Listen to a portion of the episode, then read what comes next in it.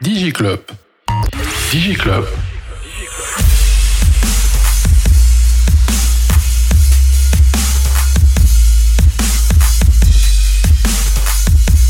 DigiClub Podcast. DigiClub Podcast. برعاية توب نت المزود الأول للفيبر اوبتيك في تونس قوي في الكونيكسيون وتعدل التري او ديبي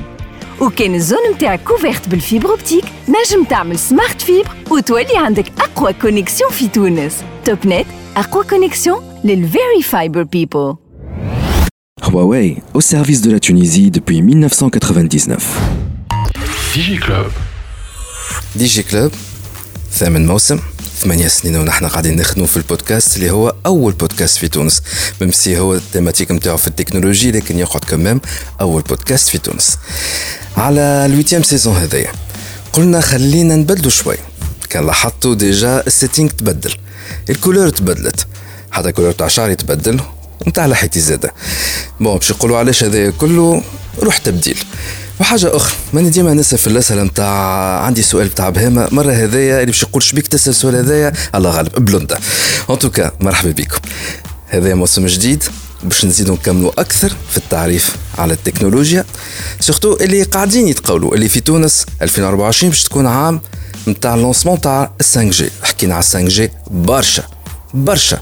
ليستوار كلها نتاع تي اش دي كلها على 5 جي تنجموا ترجعوا على لي كوفرتور نتاعنا نوتامون في الموبايل وات كونغرس 2023 باش تنجموا تفهموا أكثر.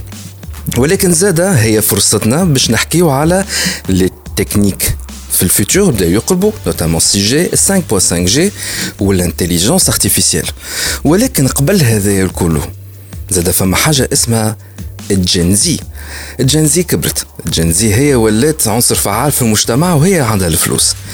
دونك شنية توا الجنزي اسكو لي زونتربريز لازمهم يبدلوا من طريقة التعامل نتاعهم على الجنزي اسكو لو ماركتينغ ديما باقي نافع معهم هذوما ولا سي اون اوتر ميثود لي الجوريتم تبدلوا ولا؟ هذا تيماتيك نتاع حلقة نتاع اليوم. مرحبا بكم. DigiClub. DigiClub Podcast. في أول حلقة وباش نبداو الموسم نتاع الثامن نتاع دي جي كلوب. كان لازم باش نجيب شخص عزيز عليا برشا. ديجا سي ان اكسبير وات اون اكسبيرت بلوتو سي اون فام ان فيت اللي زاد تعديت في دي جي كلوب في الأوائل تاع دي جي كلوب ثمانية سنين التالي. الشخص هذا في الهوسبيتاليتي في التوريزم اكسبيرت في التوريزم عندها اون ميزون دوت شنو باش نقول تبارك الله عليها سي اون دام تري ريسبكتي دون لو دومين اي بوي كان عيط لها اليوم ديجا خاطرها سي اون امي تري لونغ دات دو دو هاكا ريفايفل بعد ثمانية سنين عاود رجعت الدي جي كلوب دو تخوا عندنا كيلكو كيستيون لها هي بارابور للجنزي امال جعيد اهلا وسهلا بيك Marhaba Walid, Hani, tu es devenu aussi blanc que moi. Effectivement. C'est une autre raison, voilà. La raison numéro 4 باش بدلت الكولور نتاعي مش بالعكس Et ça te va super bien. ميرسي بوكو الكلهم قالوها لي اما مش نطول بها الحكايه هنا وما ما تتفاجئ- تتفاجعوش برشا شحوالك امال Ça va, super. Ça fait 8 ans يا امال Ça fait 8 ans, ça fait 8 ans. Le temps passe. Ou كريت عليا باش عملت انا le deuxième podcast de Tunisie à l'époque, il y a 7 ans, dédié au, tou- au tourisme. اسمه ألف- 2008 Exact, في تونس وتونس. ألف تونس وتونس Exactement. وبعدها ولات هي سبين اوف مشات لإكسبريس إف إم ولات 1002 Absolument. سي سا Exactement, ومن بعدها. لو بروجي n'a pas continué pour des raisons يطولوا شرحها ممكن ترجع ممكن ممكن ممكن كل شيء ممكن. كل شيء ممكن كل شيء ممكن. ما دامنا نحكيو على التوريزم وعلى تونس كل شيء ممكن. جوستومون امال الناس كلها تحكي على أنه تونس في كريز وهي تونس في كريز خلينا نكونوا واقعيين مش نكتبوا على رواحنا Ceci étant dit, euh, le secteur du tourisme في تونس مازال الحمد لله يا ربي مازال ماشي. Mais est-ce que la situation باش تتبدل pour bientôt والا بور لو مومون بعد شو نبدل راهو السوجي باش نمشي للتكنولوجي اكثر ما ما تخافوش ما تبدلتش راهو القلم في دي جي كلوب ولكن السؤال هذا قاعد يجي على بالي برشا اسكو لو توريزم فا سوفرير اكثر السنين الجايه Il a déjà beaucoup souffert. Est-ce que Pchizid souffre encore Euh, Non, probablement qu'il chauffe le- la reprise نتاع عام سنة. Mais par contre, euh, بال بالبلوكاج اللي هو فيه في تونس le fait qu'il soit en stand-by, en lui-même, c'est un gros problème. Alors, en fin de compte, qui n'avance pas, recule. Ou Tunis, elle est pratiquement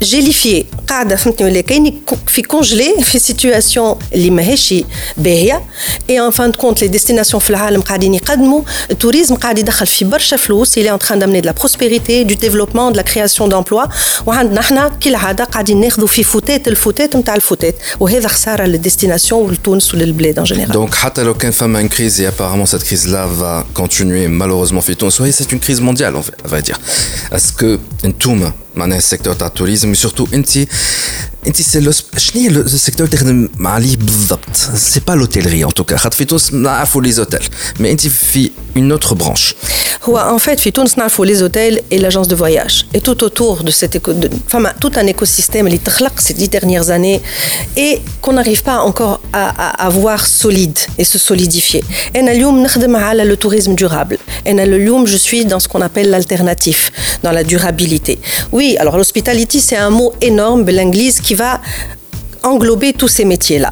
Mais aujourd'hui, euh, je gère un gîte rural, Esmo Darajbel, qui se trouve dans l'arrière-pays de Hamamet. Et aujourd'hui, je suis en train de faire plusieurs métiers à la fois. Donc, je continue mon métier de journaliste et de storyteller à travers la démonstration de tout ce qu'on peut faire Fibledna dans mon gîte, à travers Mille et une Tunisie, le, le, le, le site, de voyage et, et, et, et l'ensemble de tous les contenus liés à je suis chef d'entreprise, j'emploie du monde, je reçois du monde, j'organise des événements, j'organise des team building, j'organise des expériences. Aujourd'hui, j'essaye de m'impliquer sur le territoire et l'idée Et aujourd'hui, voilà, je suis dans une autre démarche. L'IHEA, euh, elle, elle peut faire partie, euh, en tout cas, un des piliers de l'avenir du tourisme euh, Fitounus et elle est déjà dans le monde de toute façon. Voilà, donc, Hasbrek, Mebin, le métier classique تاع التوريزم سامحوني encore question بهم على غالبا ما تتغشوش مني مي فما نسميه انا لو توريزم كلاسيك نتاع الوتله والتوريزم هذايا جديد نتاع لي جيت رورو لي ميزون دوت etc etc l'événementiel machin euh, qui va souffrir le plus avec cette crise là اللي جايه la médiocrité ou l'immobilisme, quand il tape, il tape dans le tout. Après, la question, effectivement, quand on a une petite structure, elle est très rapidement où elle, surtout, elle va chercher un type de clientèle qui ne sont pas intéressés par l'offre standard mais dans l'absolu la question ماهيش هكا وليد la question لازمك تقلبها كيفاش tous les acteurs du tourisme اليوم يخدموا مع بعضهم كيفاش انا en tant que gîte rural نجم نكون un arrière euh, un, un, un, arrière droit ou un arrière gauche l'industrie hôtelière par exemple اليوم كيفاش وقت اللي عبد يحب يمشي لتونس ويحب يعيش des expériences مثلا authentiques ولا autour du produit du terroir ولا il va faire une dégustation d'huile d'olive il va pouvoir s'appuyer sur les opérateurs qui viennent باش ينجم يعطي ce complément de سميها authenticité سميها euh, social de tourisme social solidaire سميها euh, du contenu uniquement à partager parce que اليوم si le, le, le touriste n'a pas quelque chose à raconter, n'a pas quelque chose à partager sur les réseaux sociaux, aujourd'hui on ne parle plus de destination, on parle de, de l'instagrammabilité des destinations. Donc Enalium, je suis censé en tant que gîte rural être par exemple dans le menu de certains hôtels اللي هما ما عندهمش باغ اكزومبل ديمونسيون تاع التوريزم اللي او لي برودوي توريستيك اللي انا نعطي فيهم ونهار اللي الناس هذوما يوليو يخدموا الكل مع بعضهم تو تشوف تونس كيفاش تولي. خلينا ندخل في السوجي نتاعنا نحن شويه On y va. Ben, très bien. نحن أول حلقة هذايا بعد موفات السيزون تاع الصيف et donc فما ان رابور خرج على الانترنت خرج من عند او اتش ال اي اتش ال انسايتس اسمه آه على تابع للهوسبيتاليتي اندستري اسمه hospitality trends how are the different generations traveling آه لي ترندز في الهوسبيتاليتي نحاول قاعد نعمل في الترادكسيون سامحوني كيفاش لي ديفيرونت جينيراسيون قاعدين يفواياجيو قاعدين يتحركوا فهمني اي سورتو سي ان هايلايت على لا نوفيل توندونس نتاع الجنزي الناس كلها تحكي عليها والناس كلها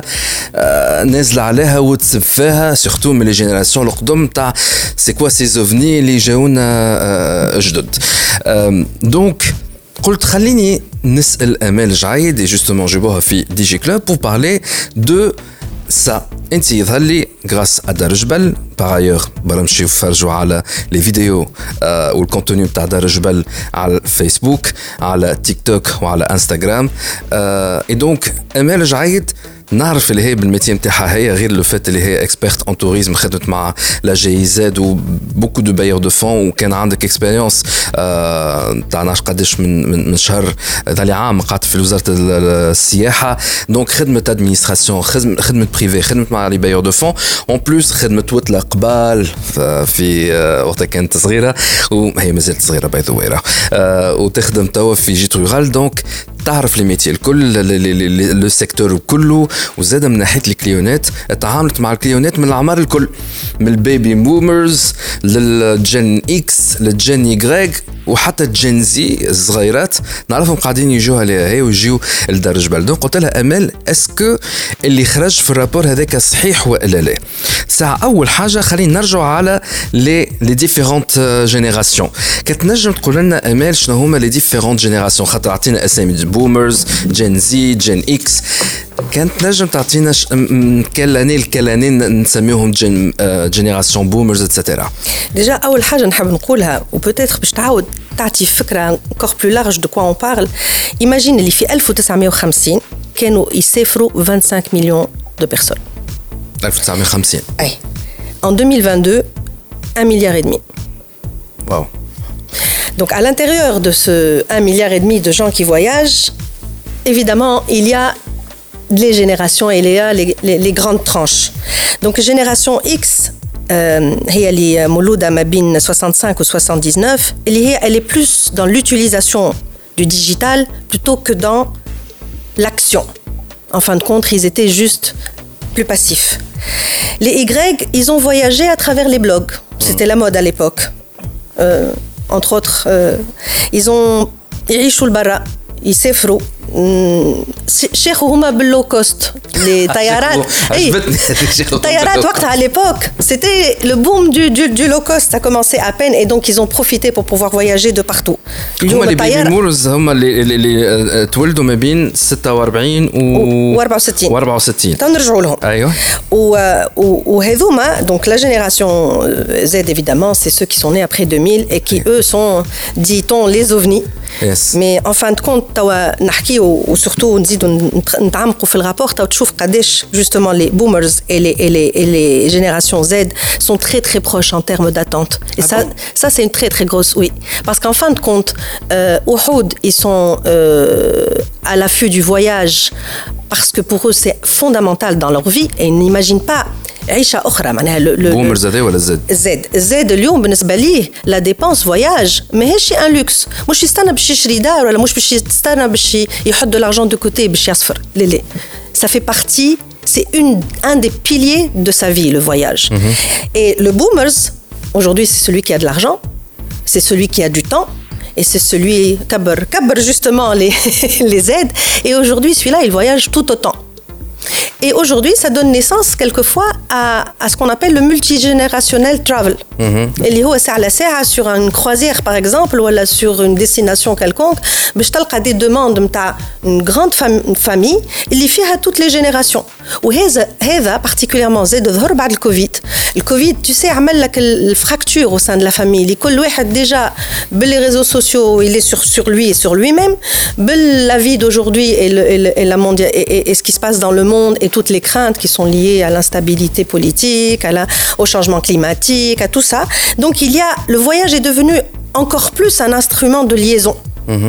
Et c'est là où on est surpris dans ce rapport par l- l- les tendances en parallèle pratiquement machine, mais bien les boomers ou mais bien la génération Z. مي لا باش نرجعوا نحن اون ماركي بيت بوس باش نرجعوا نحكيوا على شنو فيها الرابور هذايا وهل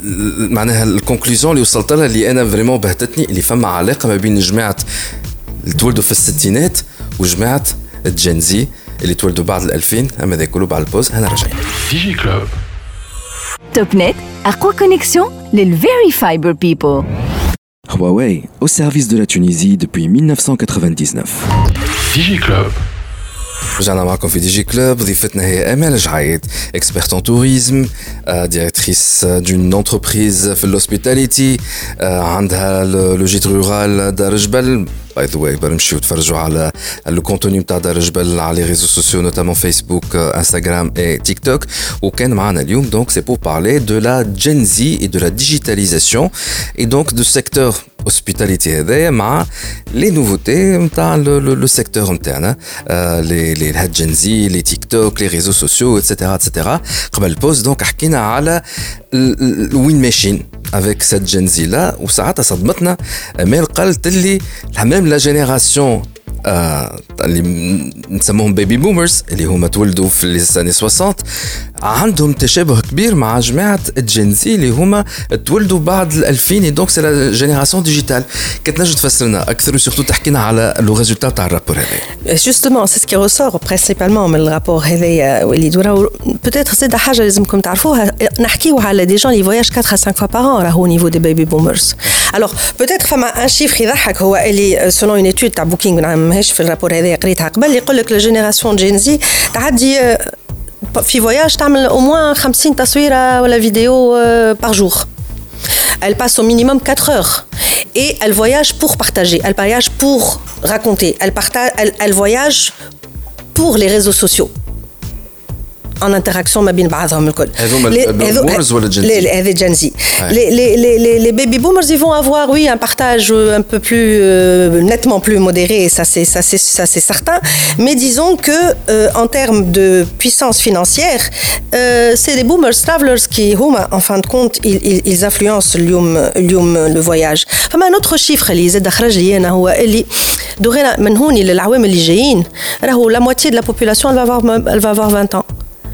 évidemment pas en Europe, mais en tout cas en Asie par exemple, en Afrique. Et ça c'est une donnée اللي لازمنا احنا en tant que destination في تونس نتعاملوا معاها اللي مانيش قاعدين نتعاملوا معاها بالكل.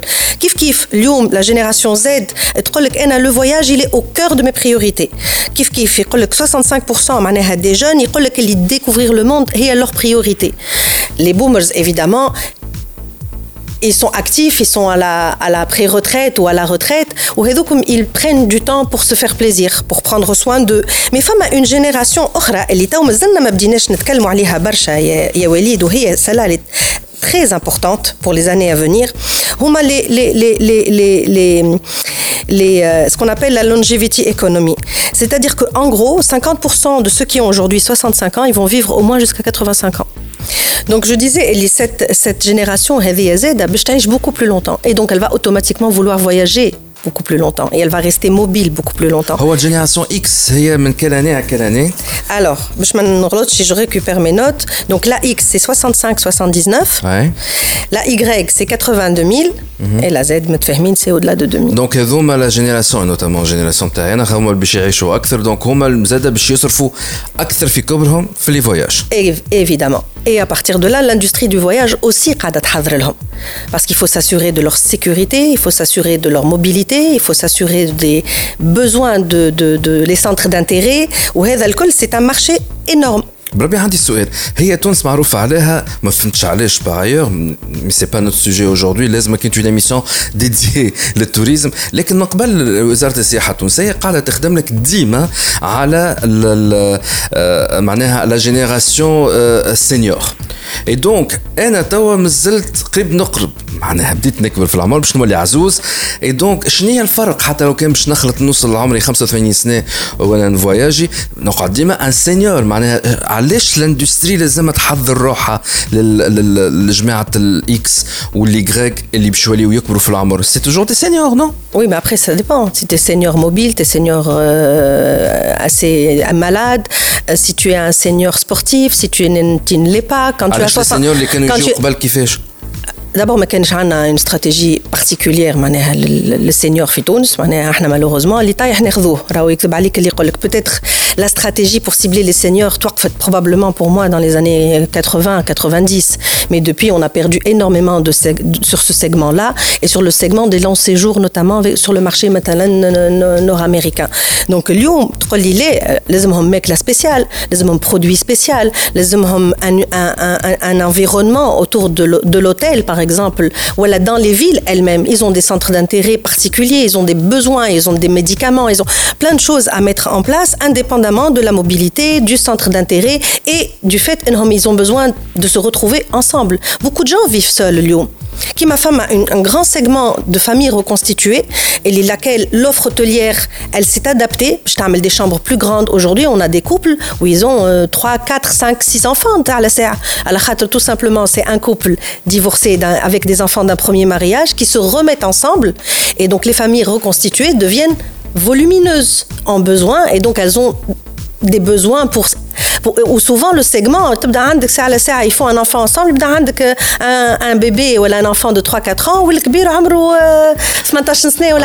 c'est très large là mais évidemment mais évidemment les huma ياسر orienté digital وهذوما les seniors est-ce que par ailleurs les seniors de la nouvelle génération اللي خلطوا على الفيسبوك est-ce que ils sont aussi tout aussi ديجيتو ما نعرفش كان كلمه صحيحه ولا يصاموا اكثر ديجيتال من لي سينيور نتاع 10 سنين التالي اسكو معناها لور بريز دو ديسيجن داشا وقت تجي مثلا عند عندك انت سي باسكو ايز اون فو لا باج فيسبوك نتاعك Alors, c'est oui et non. Alors, oui et non.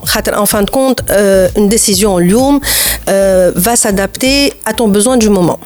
C'est-à-dire hein, qu'un couple qui est à Genève, qui se dit euh, j'ai un bébé de 8 mois, je veux prendre un avion euh, maximum, c'est à c'est à Tayara.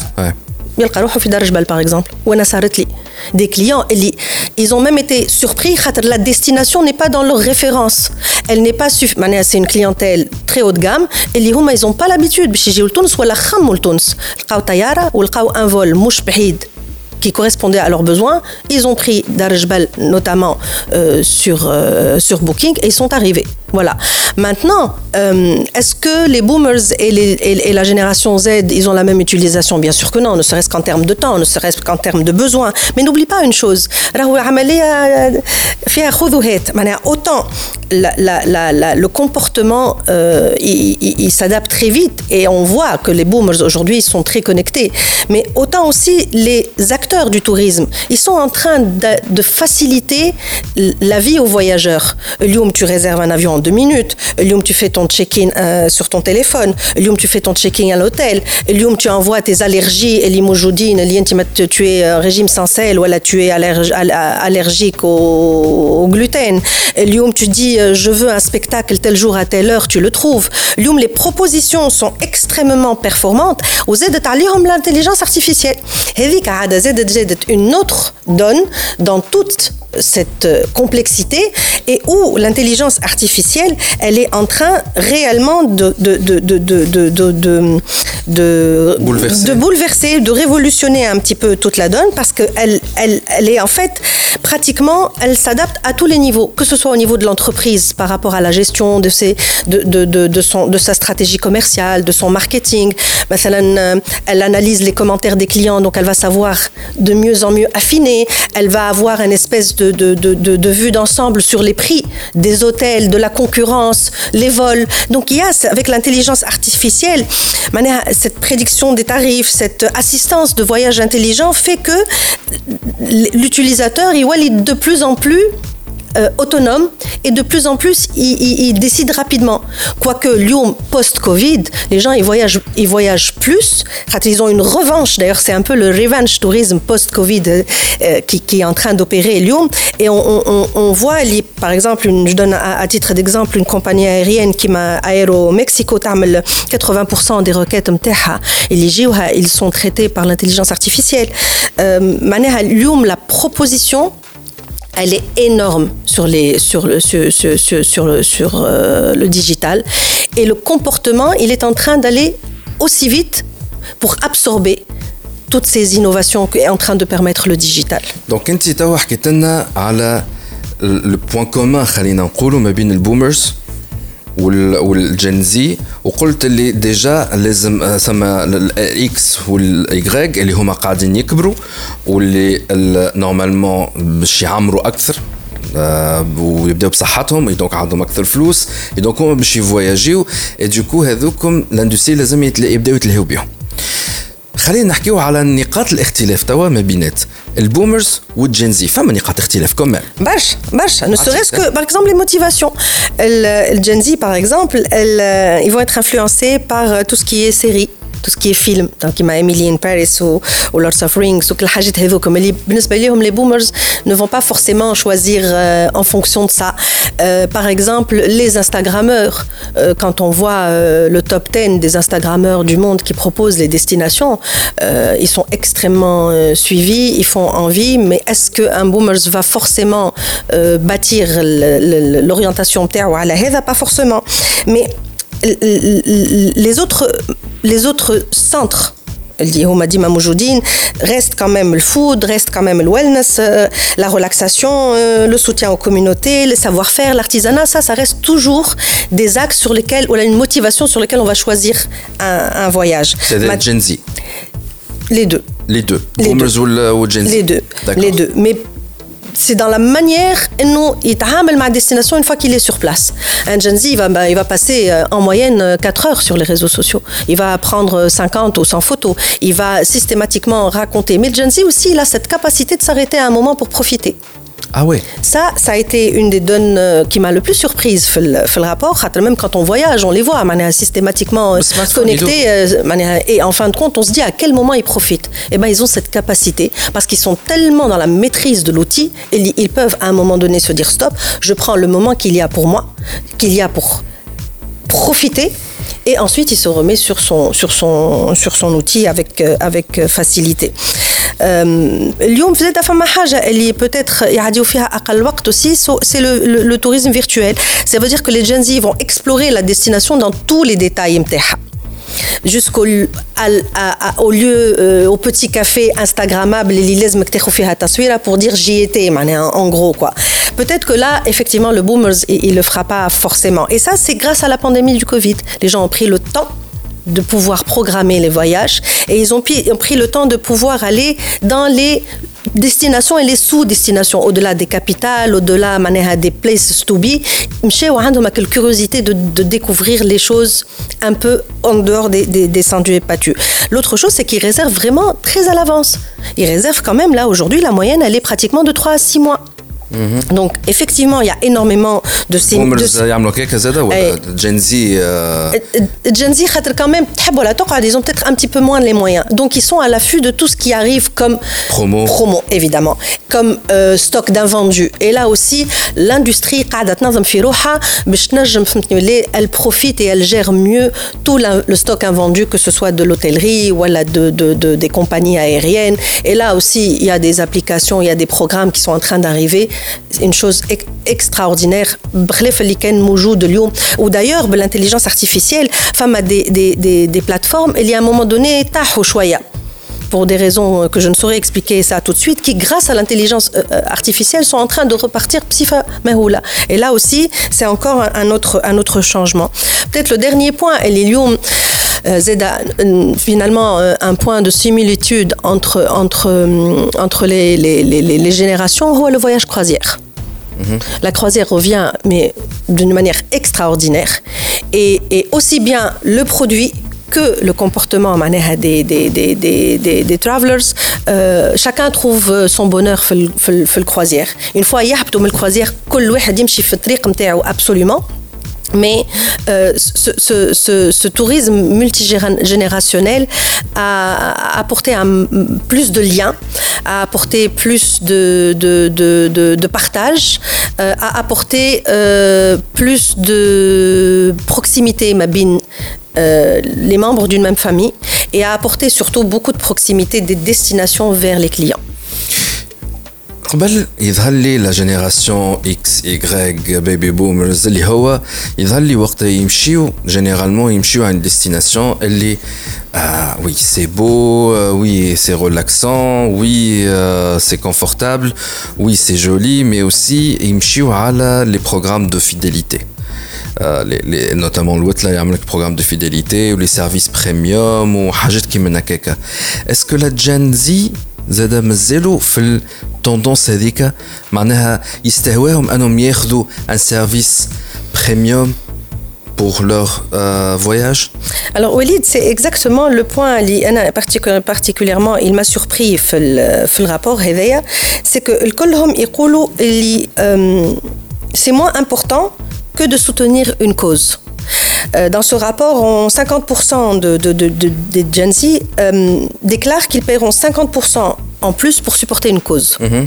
Et l'autre dimension, elle est, en tout cas pour moi, en bonne, en bonne boomer, ce que je suis, euh, m'a beaucoup surpris, c'est leur attachement à la durabilité, au, au à la sustainability.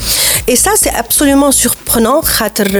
Ils démontrent, cette génération, ils sont sensibles d'abord aux grandes cause, euh, que peut être aujourd'hui le changement climatique, que peut être euh, voilà et cette génération, elle est sensible à ce qui l'entoure, elle est consciente des dangers que qu'ils pèsent sur l'humanité, sur la nature, euh, sur la cohésion. Ils ont peur de la guerre, ils ont vécu et, beaucoup veulent rattraper le temps perdu. Ils ont l'impression d'avoir été spoliés par le Covid et par ce qui s'est passé dans, le Covid.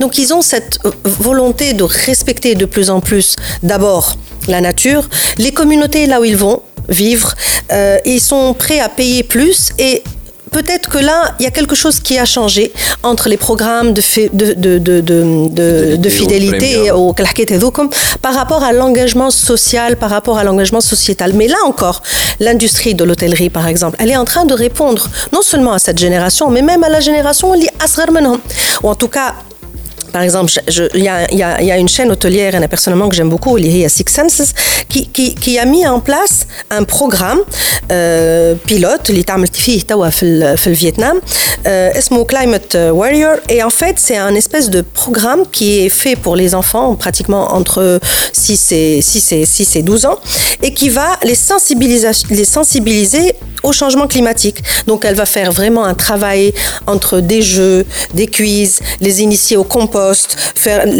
leur apprendre à, gérer l'eau, le recyclage. Ils vont leur apprendre à, produire un repas par rapport à un potager qui va exister ou dans l'hôtel lui-même, voilà, dans la région euh, juste, juste à côté. On va les sensibiliser par exemple à produire de l'énergie en pédalant, voilà, en marchant.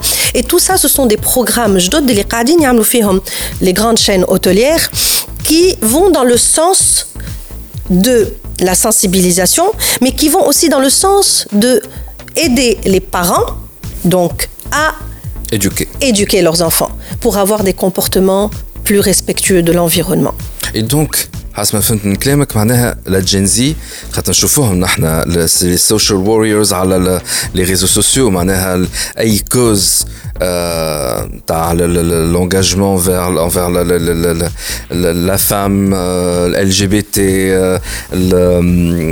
شنو اخر لي دروا فوندامونتو اتسيتيرا اتسيتيرا تلقاهم موجودين يحكيوا ويدافعوا اتسيتيرا اي دونك جموع هذوما au final وقت يلقاو مثلا أوتيل اللي هو يلا خلينا نقولوا باغ اكزومبل سيت اوتيل لا يقول لك راك أنت كي باش تاخذ من عندي راني أغلى على خاطر نعمل في الغوسيكلاج اغوغو دونك دوكو راك أنت حتى كي باش تدفع لي بزيد فلوس راك أنت قاعد تساعد في في لا ناتور ولا خاطرني قاعد نخدم في لي فام رورال راك أنت باش تدفع لي أكثر فلوس بور كلي معناها فير تشير نتاع تاع الفلوس. الجنزي باش تجي تجري أكثر؟ هذا اللي فهمته من كلامك؟ certainement هما هما يقول لك اللي sont prêts à payer 50% en plus. Cependant, pour, pour, la pour avoir, pour, avoir, pour avoir ce genre d'implication. En fait, Fama Haja, Gen Z est, act, est actrice elle n'est pas consommatrice. Elle est vraiment actrice. Et elle est encore plus actrice que digital avec cet instrument qui est ultra puissant. Donc, il ne s'agit pas, il ne, s'agit pas de consommer de façon beaucoup plus, euh, euh, j'allais dire, beaucoup plus soft. Mm. Ils sont dans l'action. Et c'est pour ça qu'on on, voit de plus en plus de, de, brands internationaux s'adresser et préparer des stratégies bien définies. La génération d'abord, elle est extrêmement exigeante et elle a une conscience euh, d'elle-même, de la génération, des défis qu'il y a autour. Et, c'est vraiment, ils sont encore plus dans, l'éco-responsabilité, ils sont plus dans la défense de, de, de, des droits, justement, ils sont plus dans, l'empreinte carbone, ils sont plus dans le respect de l'environnement, dans le respect des, des, des minorités. Au Qadin, les entreprises plus classiques, elles évoluent. Parce que, effectivement, le tout pour une entreprise, c'est de savoir adapter son produit aux attentes d'un client et des fois, les attentes sont contradictoires. Comment est-ce qu'une entreprise, que ce soit un hôtel, ou que ce soit, je dire, un restaurant, ou une, une marque de, de, artisanale, comment faire pour être dans la tendance, pour être écologiquement responsable, pour, pour faire travailler. Toutes ces complexités euh, correspondent aux besoins de cette clientèle-là. Mais là, nous allons une petite pause. Amel, وش نرجعوا لك pour la dernière partie de ton interview معنا وفما سؤال اللي باش نسأله لك على أول ما نرجعوا مالا دون سو كالا العمدة الكل ولات توا على لو سيرفيس كومي ماركتينغ بالنسبة للوتلة وبالنسبة للاندستري تاع الهوسبيتاليتي هذا باش جاوبني عليه بعد البوز احنا راجعين ديجي كلوب توب نت اقوى كونيكسيون للفيري فايبر بيبل Huawei, au service de la Tunisie depuis 1999. DigiClub. رجعنا معكم في خبرتي من الانترفيو نتاعنا مع امال جعيد اكسبيرت اون توريزم عندها لوجيت رورال دار جبل كيف العاده نوبلي با دالي فيزيتي دار جبل سور لي ريزو سوسيو باش تشوفوا شنو الكونتوني نتاعو قبل البوز حكينا دونك على لا جين زي هذا لا نوفيل جينيراسيون كيفاش الي اون تران دو كونسومي في الاندستري هذه نتاع الهوسبيتاليتي فما حاجات كيما نقولوا فيها دي بوان كومان مع البيبي بومرز اتسيتيرا اتسيتيرا لكن فما زاد دي دي دي دي بوان ديفيرونسيون نوتامون في حكايه لونجاجمون تاعهم هما وقت باش ياخذوا ان باك نتاع فواياج ولا شي زان اوتيل مستعدين باش يخلصوا 50% ازيد فلوس كان يا ان انجاجمون خلينا نقولوا بور لونفيرونمون لو دروا دي فام اتسيتيرا اتسيتيرا اي دونك لو سيرفيس بريميوم لي باك بريميوم تاع لي الوتله اللي كانوا قبل يبيعوا بهم هما للبيبي بومرز euh, ولات ما عادش تنفع du moins avec cette euh, Gen Z là et là euh, la question qui se pose ML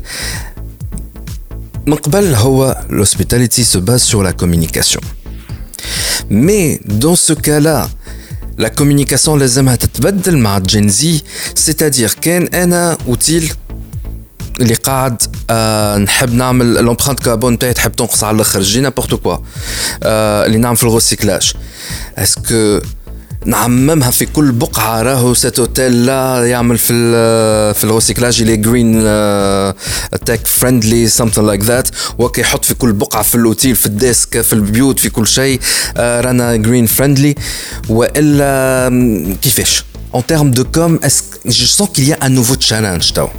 Tao.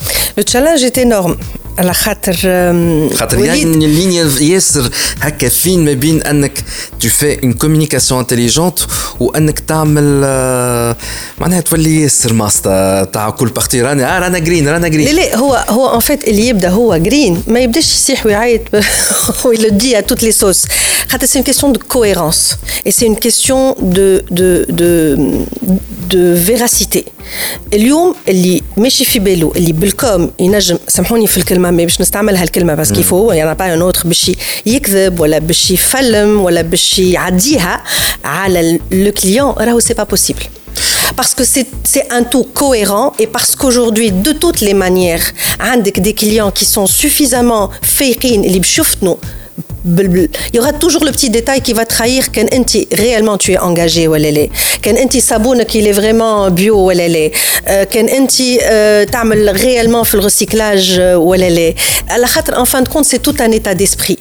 L'abd il va voyager sur la base d'un environnement naturel à la recherche d'authenticité à la recherche de meeting people. Il va être automatiquement la catégorie البقعه اون الميم مش معناها لوكس ومش لوكس راهو التوب نتاع اللوكس اليوم موجود في ال في ليكو ريسبونسابل و peut-être les plus hôtels les chers les hôtels les plus chers du monde aujourd'hui sont dans ce segment là pour dire combien c'est complexe.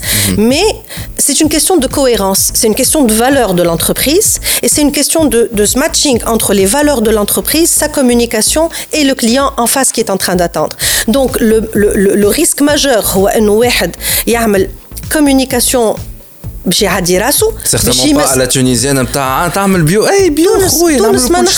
تون... إحنا توا اليوم حكينا برشا على لو رابور هذايا. اسكو تو سكون ا دي à la Tunisie et particulièrement au marché euh, tunisien de l'hospitality? Et est-ce qu'il est applicable aussi للكليونتيل انترناسيونال اللي تجي لتونس هذا موضوع كبير ياسر يحب له وحده وحده ولكن- 20 ولكن حلقة يا وليد لا سامحني ولكن زاد كيسيون تاع بهمه انكور لكن اللي في بالي بيه في تونس مثلا ما عندناش اون اندستري مثلا اغرو اليمونتير كبيرة برشا دونك كان باش تشري الملاي باش تشريها من المرأة ال- الريفية اللي مش بعيدة على ال- ال- ال- البعيده على اللوتي اللي باش تشري الخضرة ماكش تشريها خضرة هكا بيو اورجانيك خاطر جينيرالمون الطماطم اللي عندنا اللي بلوتو اورجانيك ولا أنا غلط يا امال مش كيما اللي في الأوروب.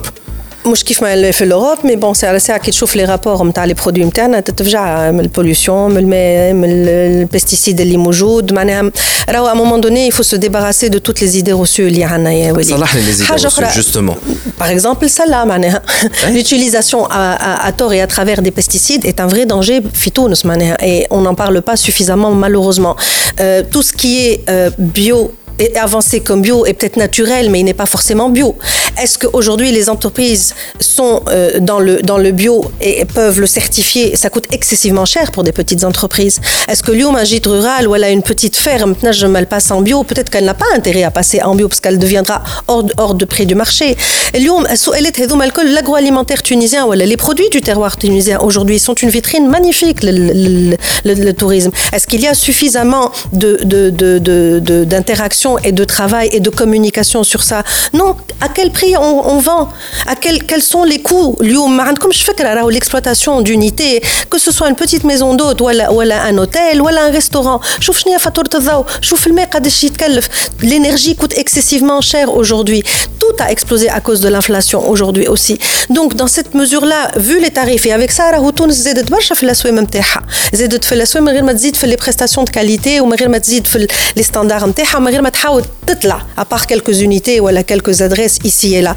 Mais on reste très très loin du, marché international où est On est mauvais, on ne le dit pas assez, on ne travaille pas assez et on ne travaille pas ensemble assez Donc اليوم هذا الكل يخرج وهذاك علاش on ne gagne pas هذاك علاش on ne gagne pas du terrain هذاك علاش en fin de compte نقعدوا ديما نختاروا في سوم ما نختاروش ديستيناسيون على اساس ان نحبوا نمشيو لتونس باش نعملوا حاجه اكسبسيونيل c'est toujours pour ça qu'on est à la traîne parce qu'il y a des tendances internationales parce qu'il y a des tendances euh, de, de, de comportement parce qu'il y a des tendances de valeurs dans le dans le dans, dans l'univers du voyage dans lequel on est hors وحاجه اخرى اليوم ما تعرفش التوريست نتاعك شكون وانت انت اليوم ما عندكش data on est une destination qui avance à l'aveugle comment veux-tu que moi je puisse aujourd'hui te, te tailor-mader قال الراجل te faire du sur-mesure pour un produit alors que انا ما نعرفكش شكون انا par exemple في دار جبل je passe mon temps à faire ça demande اللي تجيني ما نقولهاش لا راهو اليوم ديستيناسيون كي تبدا 10 15 30 بيرسون تحب تعمل اون اكسبيريونس نتاع جو دير نيمبورت كوا تاع كوير ان كوسكوس ولا فير ان بان on peut te le faire faire. Mais si tu dis on est deux personnes et on veut apprendre à faire un pain, au lieu d'aller acheter le mlewi ou au lieu d'aller acheter un tabouna, je veux le faire quelque part, bah, qui te le propose. Alors que tu à les destinations, on chauffe les expériences, les femmes, tu as centaines d'expériences à faire. Puis tout TripAdvisor expérience, film pas 10 expériences. Donc, on est très en retard par rapport à tout ça. Moi, je reviens d'Istanbul, euh, Walid. Istanbul, عندك أن اورو ينحيوه لك عندك 10 ينحيوه لك عندك 100 عندك 1000 عندك تو طول تو دو موند ينحيوهم لك. تو فو tout تدخل نحيوهولك مش سرقة راهو c'est لا لا juste نحيوهم te لك ça propose veut le dire que service contre c'est-à-dire ça. qu'en fin de compte tu dépenses tu achètes tu sors tu as envie de sortir dans des 5 et des palaces et des tu trouves tu as envie de manger pour euh, un dinar tu peux mais tout ça est dans une proximité et dans une existence de produits une pléthorie de produits ما عندناش برودوي في تونس توا تحب تمشي تعمل تتفرج في سبيكتاكل تحب تمشي توا جو دي n'importe quoi تعمل un, un, un, اعطيوني un lieu qui permet à un visiteur باش يعمل expérience نتاع تبالو زكاه في تونس كام qu'il peut réserver على J'ai pas de base. ما ينجمش انا مثلا في دار جبل c'est ce que j'apprends à faire et je le fais tous les jours. Et j'ai et la première, le premier contact, c'est euh, on veut expérimenter ça, mais on n'a pas trouvé. Le dernier des messages, j'ai une cliente de Corée. Ah Une coréenne jette le pain.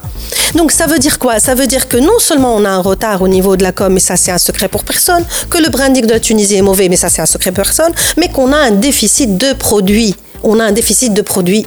Alors si on ne sait pas parler aux, générations passées, comment on va faire pour parler aux générations qui sont actuellement? En demande. Et on demande de choses ultra modernes. Les destinations Lyon, elles sont à la mode. Harbin bin. On est en dehors des. On est en Jamais, jamais, jamais. Istanbul, pour reprendre le cas d'Istanbul, en, en, en 10 ans, elle est passée de 10 à 30 millions de touristes. En 2023, ils voulaient faire 50 millions, ils l'ont fait l'année dernière, voilà, il y a deux ans. Donc ça va très vite. Bled qui très rapidement opérateurs skiing ولا فهمتني 4 5 personnes dynamiques de de de pluridisciplinaires واعطيهم تعطيهم 5 5 كيلومتر كاري خلي يحركوه تشوف شنو يعملوا لك العجب انا البارح كتبت ان ستاتيو في فيسبوك نحكي فيه على تونس كي في او ريتم دو دريم سيتي Tunis qui vit au, rythme de Dream City, il y avait des Hollandais qui venaient me Sahara, ils ont dit, dis tout, la Tunisie c'est tout le temps comme ça, Tunis, mais ça demande quoi? Ça demande tout simplement tout ce qui est ouvert ça demande le transport à minuit tous les jours. Ça, demande à ce que tu illumines tes, tes, édifices. Ça demande à ce que tu amènes des privés. Mais Dream City plus les JCC plus Ramadan رمضان في في تونس المدينة تونس تولي بلاد أخرى. حطوهم كل مع بعضهم ما تخلقش أنت ديستيناسيون تدوخ في في في في ثلاثة شهور خدمة. أما شكون باش يعملها هذيا لا هي الناس الكل الناس الكل قطع في الناس الكل والناس الكل تكسر في الناس الكل وان فان كونت حتى حد ما هو قاعد يبني ويبروبوز سي بوسيبل توت est possible on a les ressources on a les savoir-faire on a les compétences et on a le potentiel le potentiel qu'on a il est énormissime علاش انا نمشي لاسطنبول ونلقى فهمتني نخلص 50 euros 55 euros pour 20 minutes de درويش تورنور علاش انا الكليون اللي يجي لهنيه ما ينجمش يدخل في بلاصه ويعمل الطبيل والزكر اللي نحكيو عليها احنا et j'en passe parce que du cinéma on en a de la peinture on en a des artistes on en a des, on a on a on a du savoir-faire on a potentiel aussi bien dans la ville que dans toutes les régions de a trois conseils à donner آه، مثلا اللي يخدم في الاندستري آه، تاع الهوسبيتاليتي في تونس. آه، ساشون توا زدت حليت بيبان أخرين. أما تاع عندي البيبي بومرز عندي الجين إكس عندي الجين ايغريك لا جين زي اون est en train de brasser تري تري تري تري تري très là très large. شنو نعمل كوتي كوم اسكو جو مو سبيسياليست في حاجة ولا نتاع لا فاسون تونيزيان على كلون يا كريم نسربيك شنو تحب؟ ما فهمتش أنا هنا.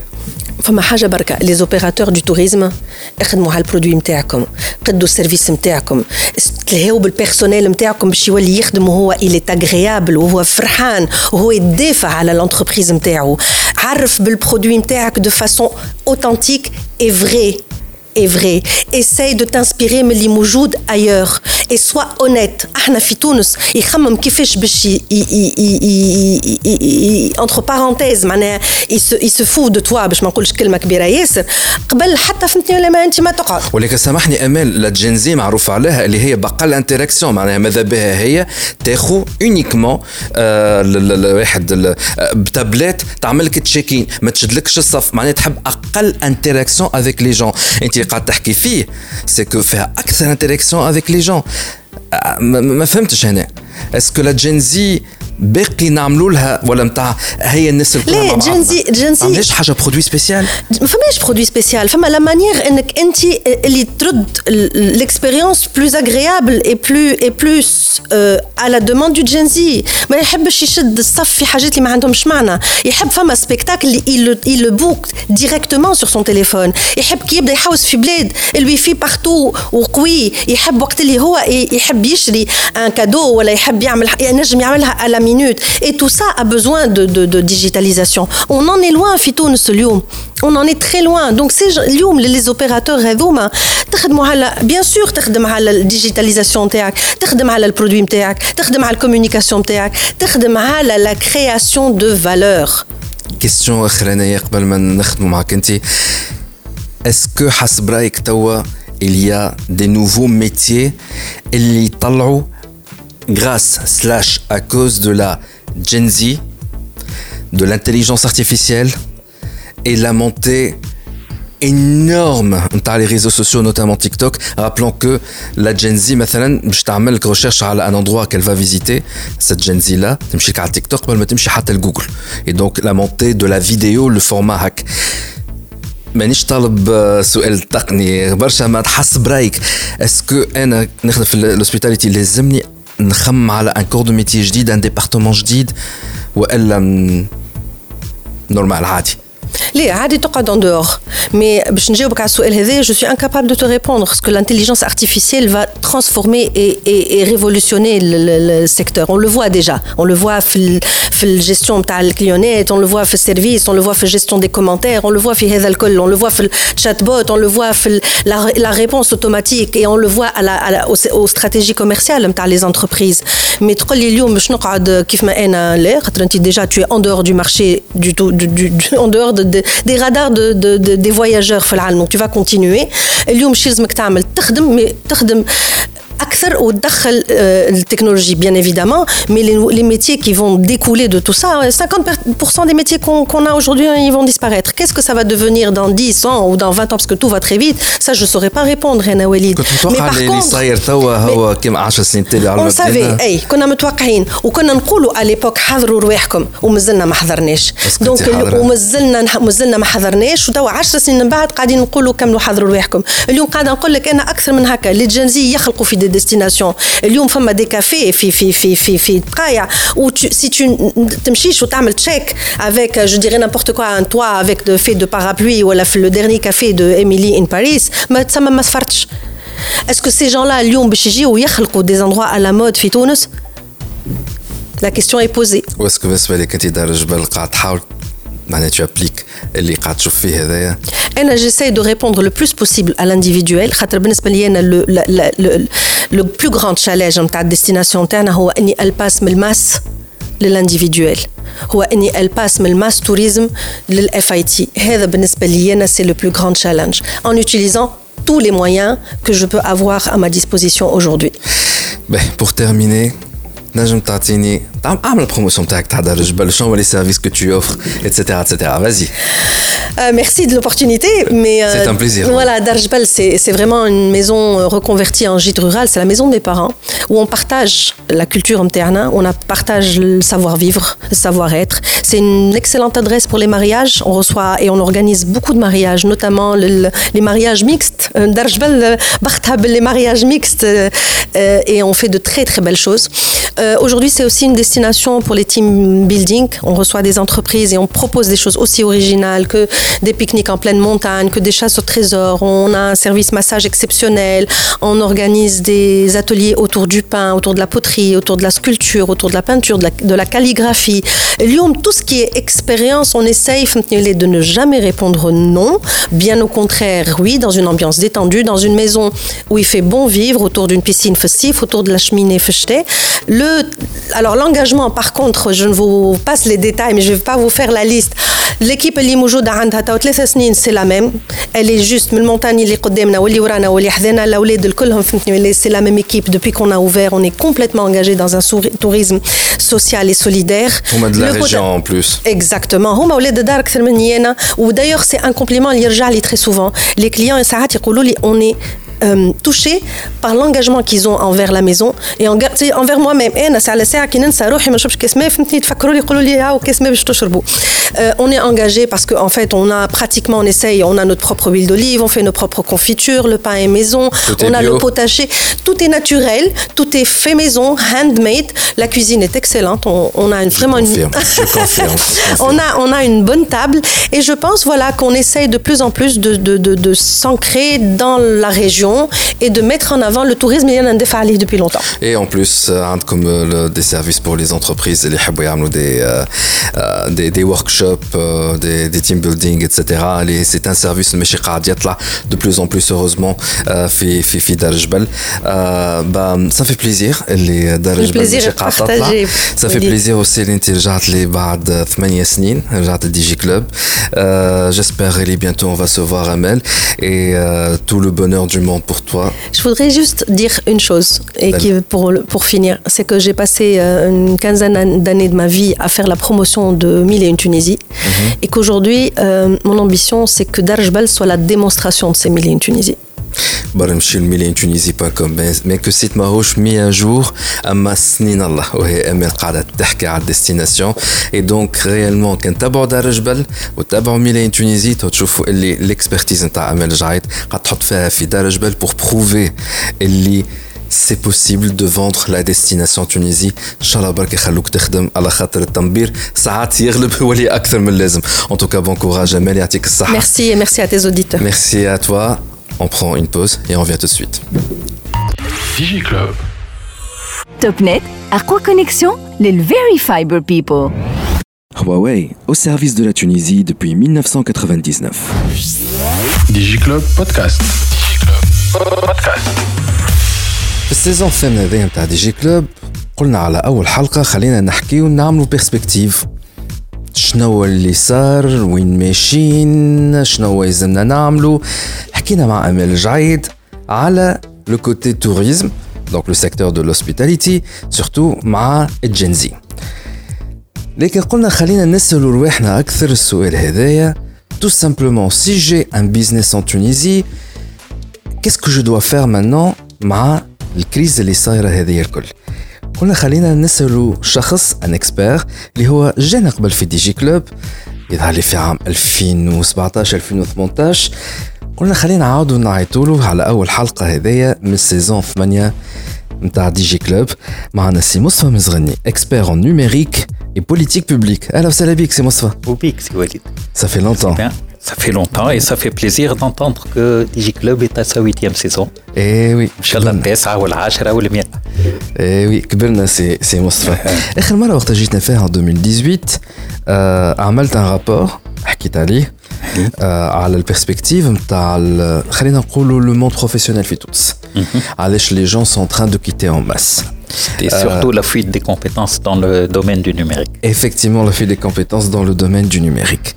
Euh, لكن قبل ما نسألك السؤال نتاع est-ce que ça a évolué في البوزيتيف ولا في النيجاتيف et que je pense avoir la réponse ساعة خلينا نتعرف عليك أكثر الببليك نتاعنا خاطرك أنت تبارك الله درتهم الكل خلينا نقول أعطينا حكينا شوية على الكارير نتاعك Ma carrière, elle est, elle est très simple. Hein. J'ai une carrière un peu, je vais dire, atypique. simple, mais Là, j'ai une carrière combinée entre euh, secteur public et secteur privé, je dirais. Euh, L'atypique, c'est que j'ai fait 25 ans de privé dans le consulting en Tunisie à l'international. En bas, j'ai fait 6 euh, ans en tant que au commis de l'État, je vais dire, en tant que conseiller de ministre et euh, euh, en tant que PDG euh, d'entreprise publique, donc euh, TTN en l'occurrence, en tant que conseiller de ministre, ministre de, de l'enseignement supérieur, de la recherche scientifique et d'éthique, ministre des Finances et euh, ministre de, de, la jeunesse et des sports et de la santé en même temps. et depuis donc 2020, j'ai repris mes activités dans le secteur privé. Voilà. Ben, en tout cas, d'autres معناها ما بين public ou le privé خدمت في secteur du numérique, du digital, le secteur financier aussi. Vous êtes membre de, de, de grandes entreprises à Fitounes, حتى في secteur de la télécom. Donc, عندك نظرة شاملة على الوضع في تونس، على l'économie في تونس وعلى واقع أصحاب المؤسسات والمؤسسات. نظرة شاملة سي بوكو دير مي. أنا هذاك اللي نعتبره أنا. داكوردو باهي. آه باش نسال اول سؤال وبعدها باش نرجعوا على الكومباراتيف ما بين 2018 2000 أو معناها الأخر 2023 أنا كصاحب مؤسسة قاعد نسمع فيك توا. وقيتني نسكر ونهز شلاقاتي وملاقاتي ونفصل لبرا إي وإلا نقعد. وإلا نقعد ونكمل نحارب باهي خليني نكمل هالسؤال هذايا. ساشون اللي برشا عباد والماشي قاعد يهبطوا يديهم تاع ماين. سي بون فديت شو سي وليد؟ تمشي ولا تقعد؟ Pour un chef d'entreprise c'est une question de coût-opportunité.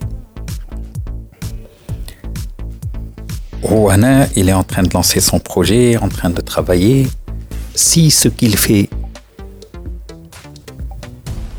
correspond à ce qu'il voudrait faire, ou la rentre dans le cadre de ce qu'il voudrait faire, pourquoi partir? Et s'il part, quels sont les avantages et les inconvénients du départ? et le comparatif entre les avantages et les inconvénients du départ et les avantages et les inconvénients de rester en Tunisie lui fera décider s'il part ou s'il ne part pas. هذا إجابة دبلوماسية جدا يا سي لا لا مصطفى لا لا ماهيش إجابة دبلوماسية سي وليد آه مش يمشي pour faire quoi pour trouver mieux tant mieux auquel cas mais mieux dans quel cadre خاطر شو pour moi, un entrepreneur est un entrepreneur. Un entrepreneur n'a pas l'âme d'un salarié et ne cherche pas le confort du salarié. Ce sont deux situations différentes. Donc si c'est partir pour être, s'il veut vraiment, s'il a l'âme de l'entrepreneur et s'il veut vraiment être entrepreneur. Si en partant il va pouvoir être entrepreneur dans de meilleures conditions, pourquoi pas Sachant que derrière arrivera le jour où il reviendra pour développer ses entreprises en Tunisie. كيفاش هذايا خلينا ناخذ لو كان تاع اون انتربريز في التيك اللي هو يعملوا ديفلوبمون دي لوجيسيال Hey. Est-ce que c'est mieux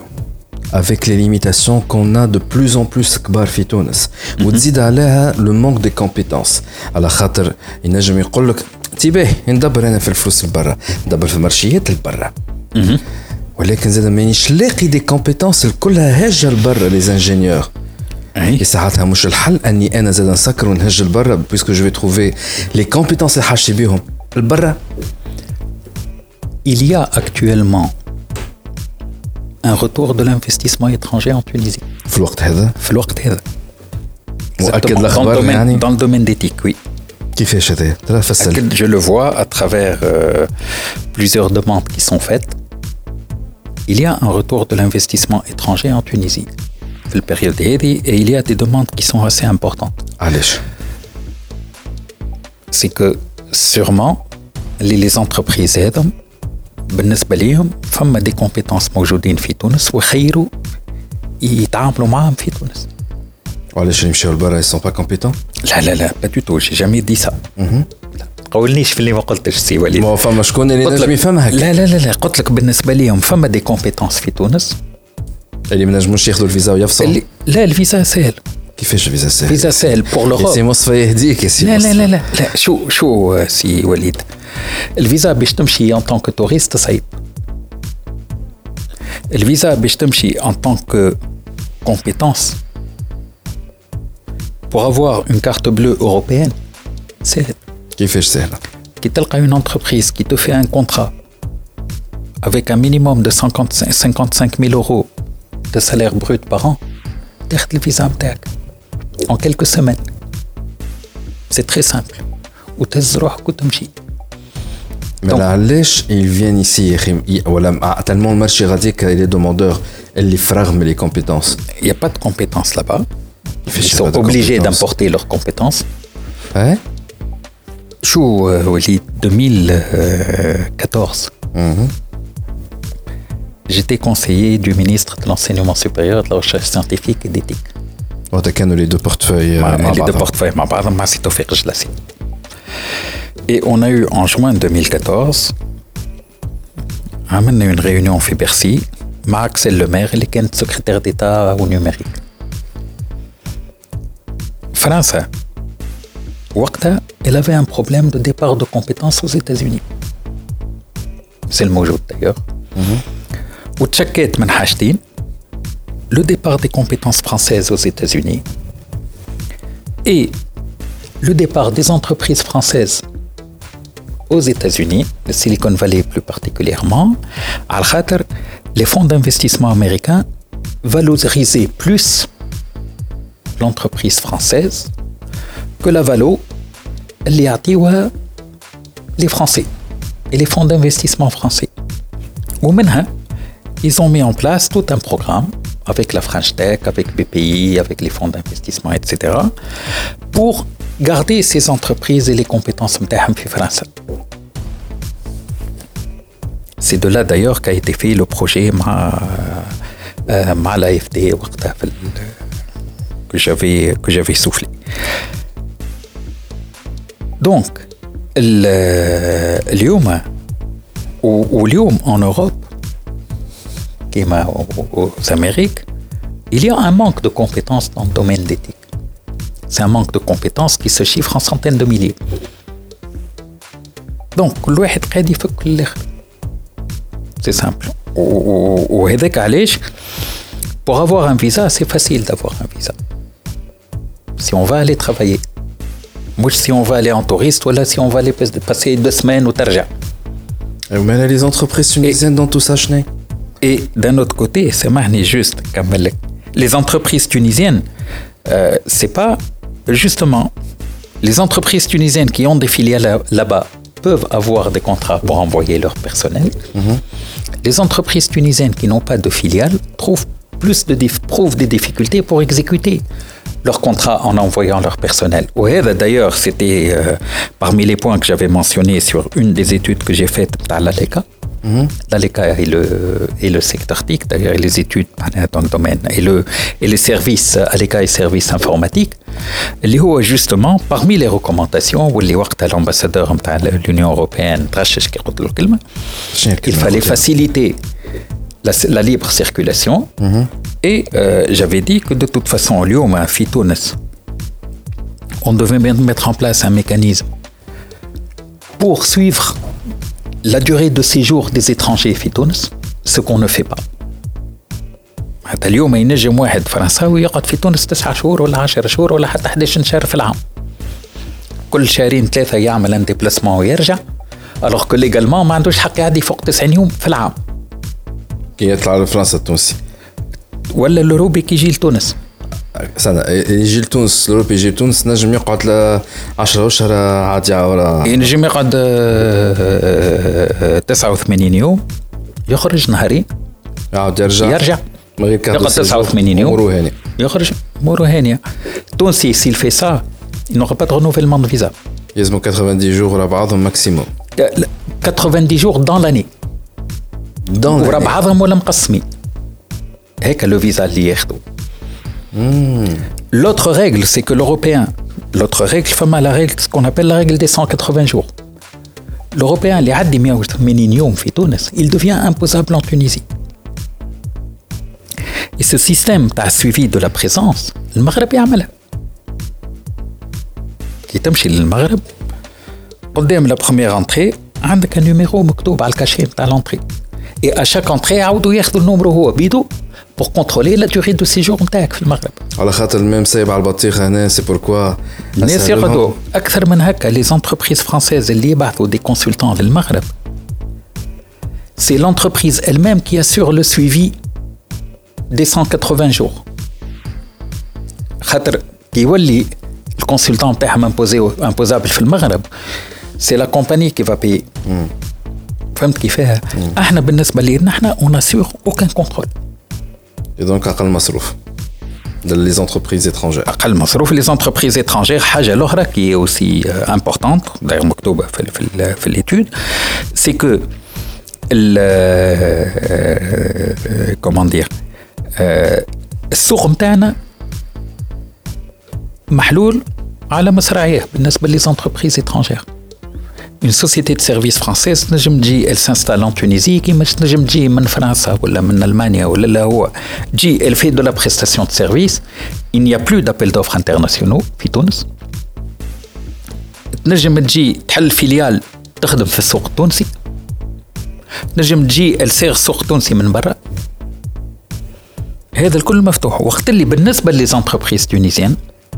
كيما يمشيو لاوروبا كيما يمشيو لفرنسا يلزمهم من اوتوريزاسيون دو لا ديريكسيون ريجيونال دو لومبلوا ولا ريجيونال ديبارت ولا ديريكسيون ديبارتمونتال دو لومبلوا والله ديبارتمونتال جو بونس دي دي اللي هي ما يعطيوها لهمش Donc les Tunisiens ما ياخذوش des visas باش يمشيو pour exécuter leur marché.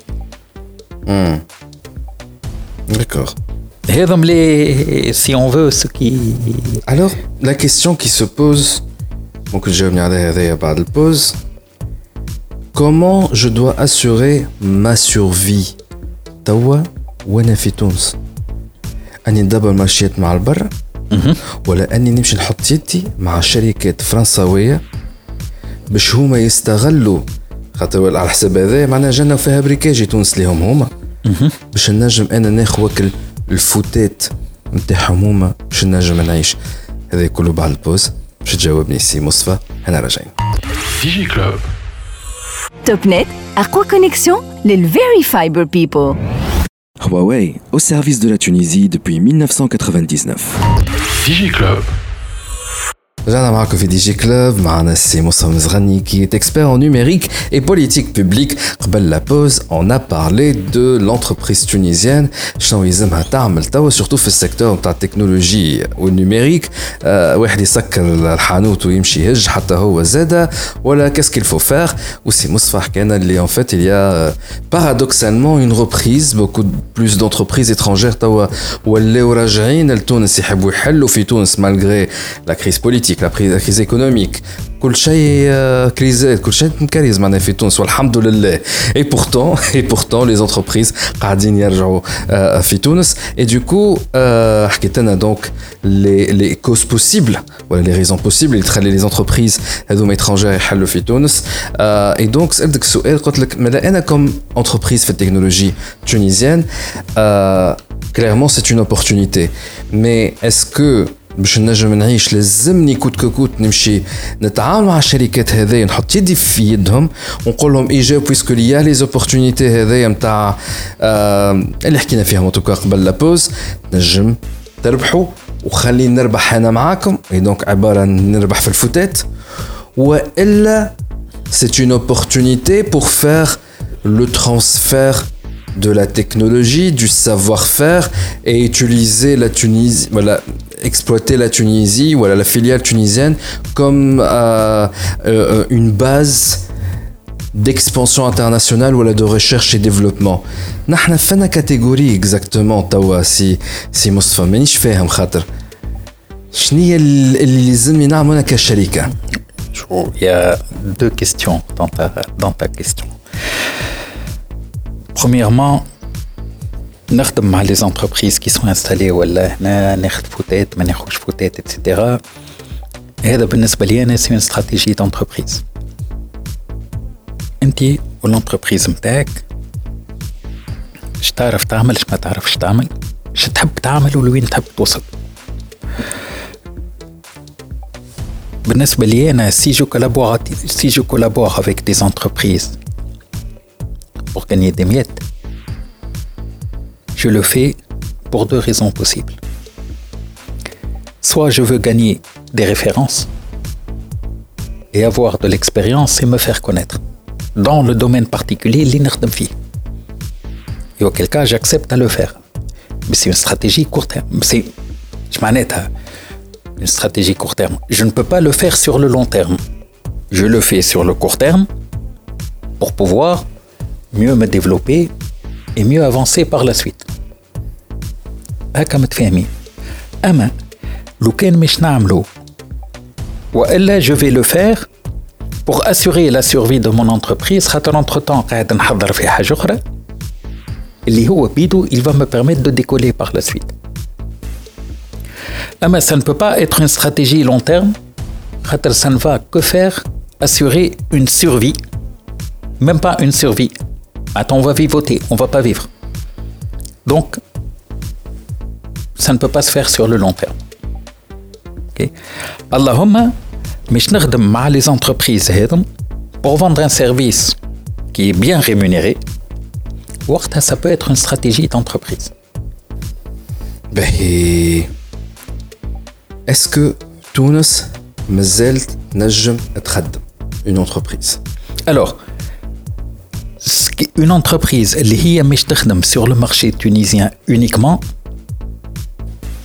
صعيب ايش معناتها صعيب surtout si elle va travailler avec les prix pratiqués sur le marché tunisien, avec des prix tendus, avec des prix très bas.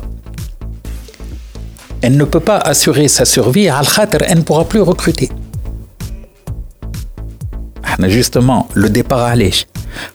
Il est, on est sur un marché international de ressources humaines. On est sur un marché international de ressources humaines.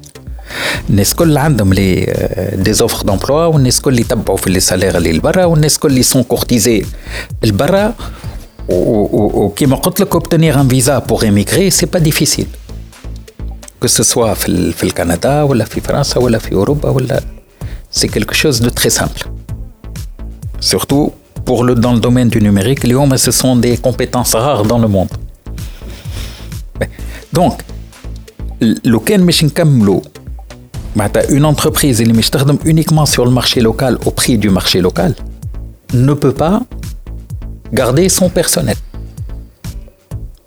Donc, si elle ne fait pas d'export, ou si le marché tunisien ne suit pas les coûts du marché international, l'entreprise ne pourra pas tenir ce coup. En d'autres termes, si je suis une entreprise de technologie, notamment fait digitale, أول حاجة لازم نرجع عليها توا أني ندبر مون بروميي كليون على الانترناسيونال باش نجم جو سوف ما بو من طيحة الدينار ما ما هيش مشكلة طيحة الدينار ما المشكلة شنو مشكلة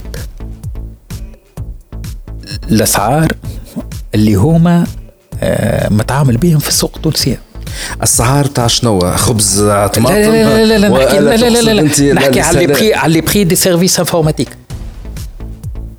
C'est-à-dire la prestation de développement. La prestation de développement, par exemple. Hmm. Le coût de la prestation de développement ne permet pas d'assurer un salaire concurrentiel avec l'international ou avec les entreprises étrangères qui s'installent à Tunis. Mm Partant de ce principe-là, soit on arrive à vendre plus cher aux clients tunisiens. Et ça va pas fonctionner. Ou ça va pas fonctionner à court terme, mais le client tunisien et le pays, la politique publique, doit être conscient du fait que là où les compétences informatiques يخرجوا خذوا مش جيبهم هما بيدهم من برا au prix international. وهذاك اللي بدا يصير توا؟ فوالا هذا اللي مش يصير باش يصير ولا بدا بدا يصير غدوه راهو مي سا سا سا فا اتخ لا ريغل سا فا اتخ لا ريغل غدوه تخرج ان ابيل دوفر ما تلقاش une entreprise tunisienne important ما تلقاش une entreprise tunisienne qui est capable de le réaliser donc مش تاخذوا au prix international qui مش au prix international tu vas avoir des ممكن حتى des Tunisiens اللي مش يجيو من برا qui vont être facturés par leur employeur au prix international. On peut dire donc الأزمة هذه اللي صايرة في تونس. هذه هي الأزمة. Et en fait, le marché qui est en train de s'auto-réguler parce que le marché mahloul, et c'est le prix à payer. Oui. C'est ça Oui c'est le prix à payer et c'est pour ça on retient nos compétences, on retient nos entreprises. هنا نحكيو على البوليتيك بوبليك اي دونك الحكومه الدوله التونسيه اتسيتيرا ساشون اللي اللي ظاهر ان توكا توا العرك والمعروك على حكايات اوتر كان اوتر كو لا بوليتيك بوبليك دونك on va dire que, jusqu'à preuve du contraire, وكان فما ان اناليست ينجم يجي يقول لنا بالرسمي والصحيح الحكايه عملنا اناليز صحيحه donc la politique publique n'existe pas Donc, pour sauver l'entreprise tunisienne il n'y a aucune mesure qui est prise dans ce domaine-là. Dans ce domaine-là. Dans le domaine de l'entreprise numérique et du marché numérique et des, et des compétences numériques.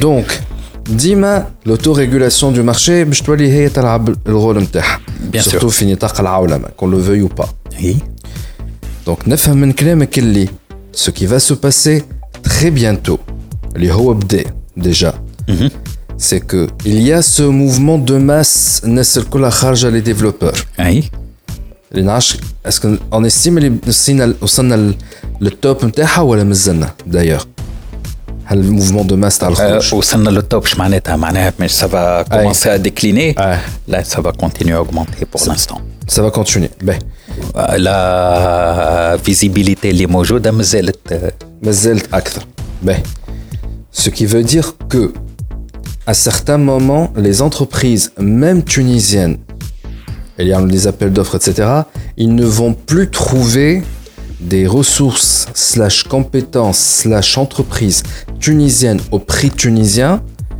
اللي ينجموا يخدموا لهم خدمتهم Oui. donc les entreprises tunisiennes باش يوليو سامحوني في الكلمة باش نقولها ممكن هي غلطة لي زيكسبير متغشوش عليا باش يتلزوا يوليو يخدموا في لي نورم انتر كيمي انترناسيونال ويوليو يركروت رغما عن انفهم دي كومبيتونس تونيزيان سلاش اترونجير من البرا باليورو وبالدولار يعاودوا يجيبوهم بور فير اون ميسيون Dans, dans un premier temps, ils vont être obligés de payer au prix fort les compétences tunisiennes Fitounes. On redoit, on va arriver à un stade les machines les compétences من برا, bien sûr. اي دونك تونس اللي هي الشاده الصحيح نتاع التوانسه قبل والديموغرافيه التونسيه وك اللغه هذيك الكل مضروبه فينالمون المرشي الى لوا دو مارشي هي فا اوبليجي تو تار تونس على انها تولي كيما فرنسا سيتادير ceux du pays subsaharien, du Maroc, de l'Algérie, de أي بقعة ينجم يدخل تونس يخدم on va être comme un petit peu comme la France comme les pays européens. شو هو اليوم حتى التو خاطر maintenant فما certain conservatisme. باش تخدم واحد étranger. وجهك يولي فيك يقول لك خدم التونسي قبل مش وجهك واحدين القانون يمنع؟ القانون كاريمون يمنع. دونك نصوص نصوص تمنع ويلزم تراخيص وتراخيص ما تاخذهاش. آه. يقول لك خدم التونسي. صحيح لكن آه كي نوليو في آه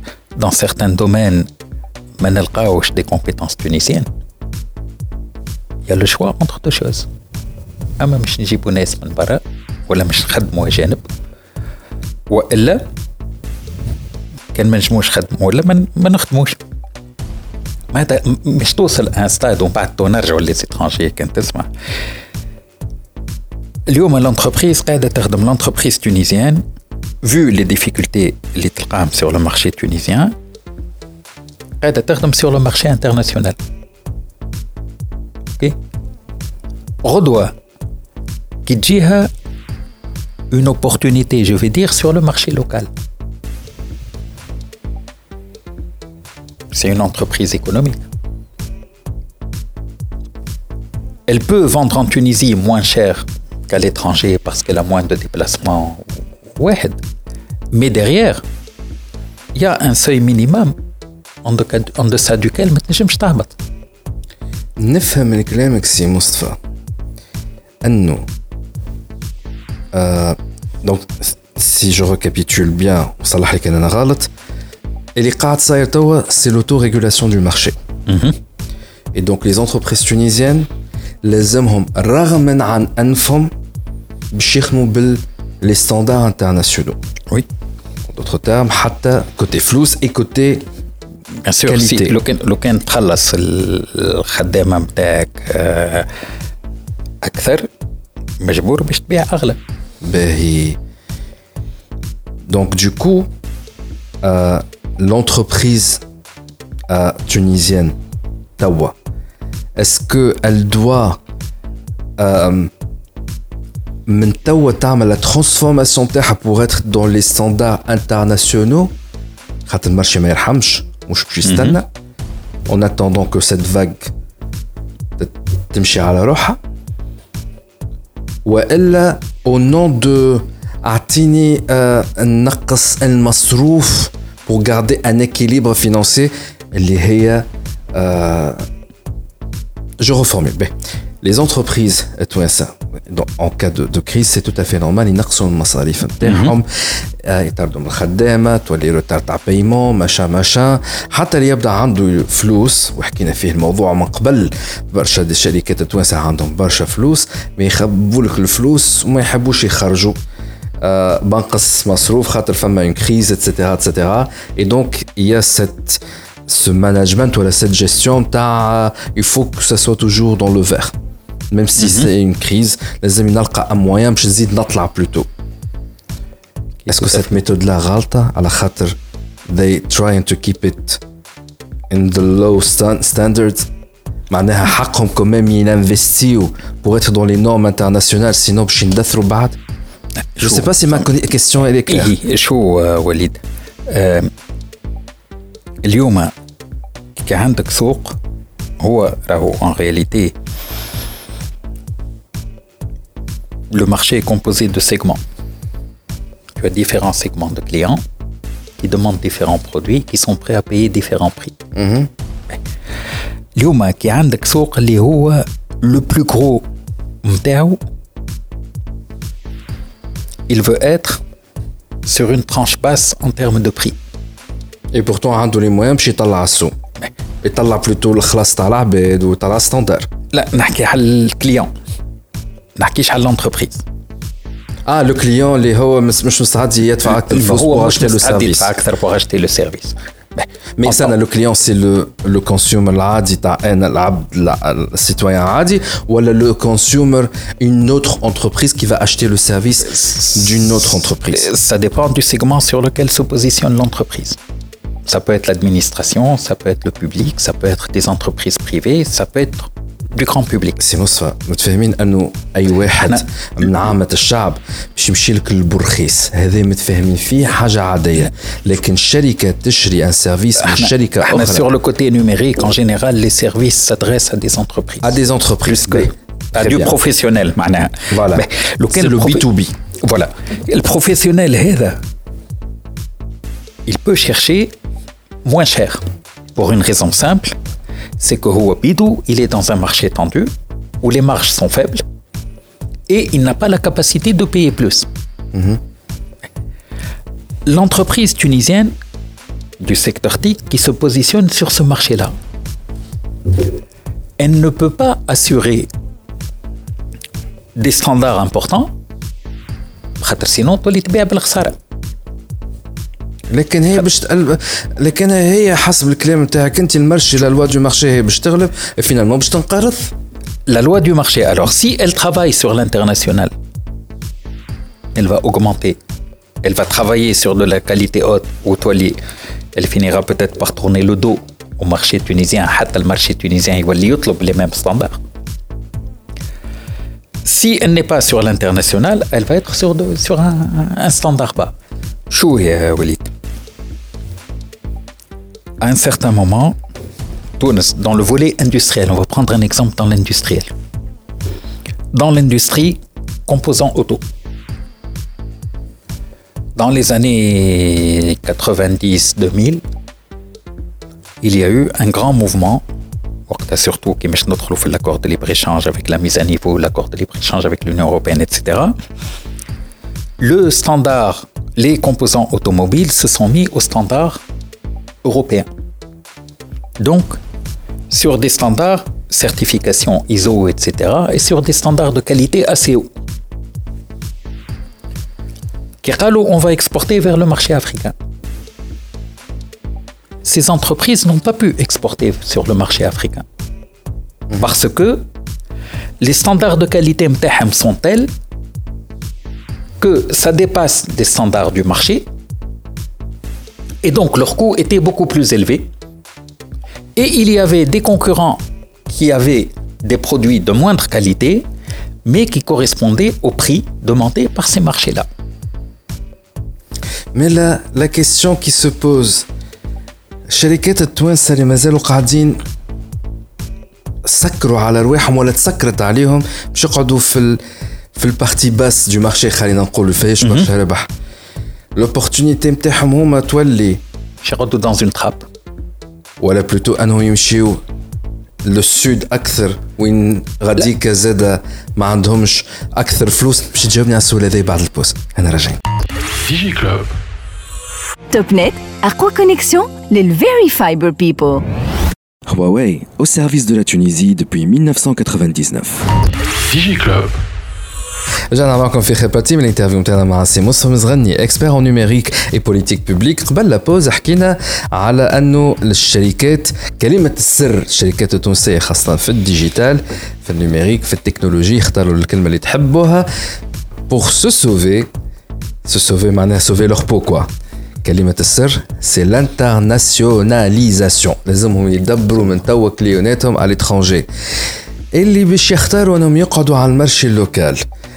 Et donc le marché local est hors il tire vers le bas et donc n'a pas beaucoup de marge, choix flou, etc.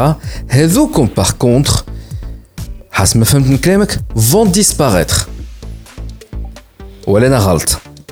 Elles ne pourront pas retenir leur personnel. Et donc elles vont disparaître.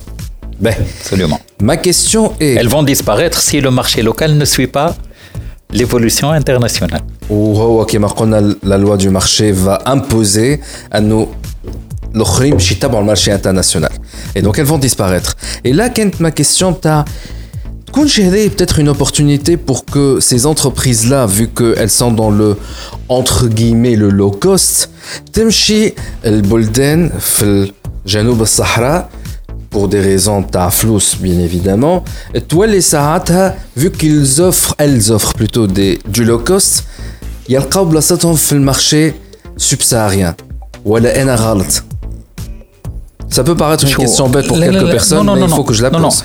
Je vais te répondre sur deux axes. Ah, ah. L'axe là où si elles vont sur le marché d'Afrique subsaharienne, elles sont déjà dans l'internationalisation.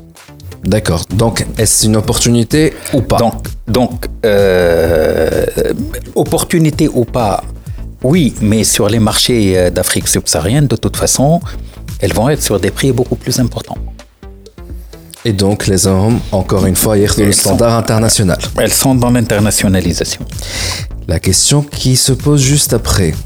Qu'est-ce qui est le mieux pour une entreprise tunisienne fait technologie? aller vers le haut, malgré la crise et de l'Europe ou l'Amérique, c'est partout dans, le monde, surtout après la crise de l'Ukraine et blablabla. Et qu'il n'y a pas de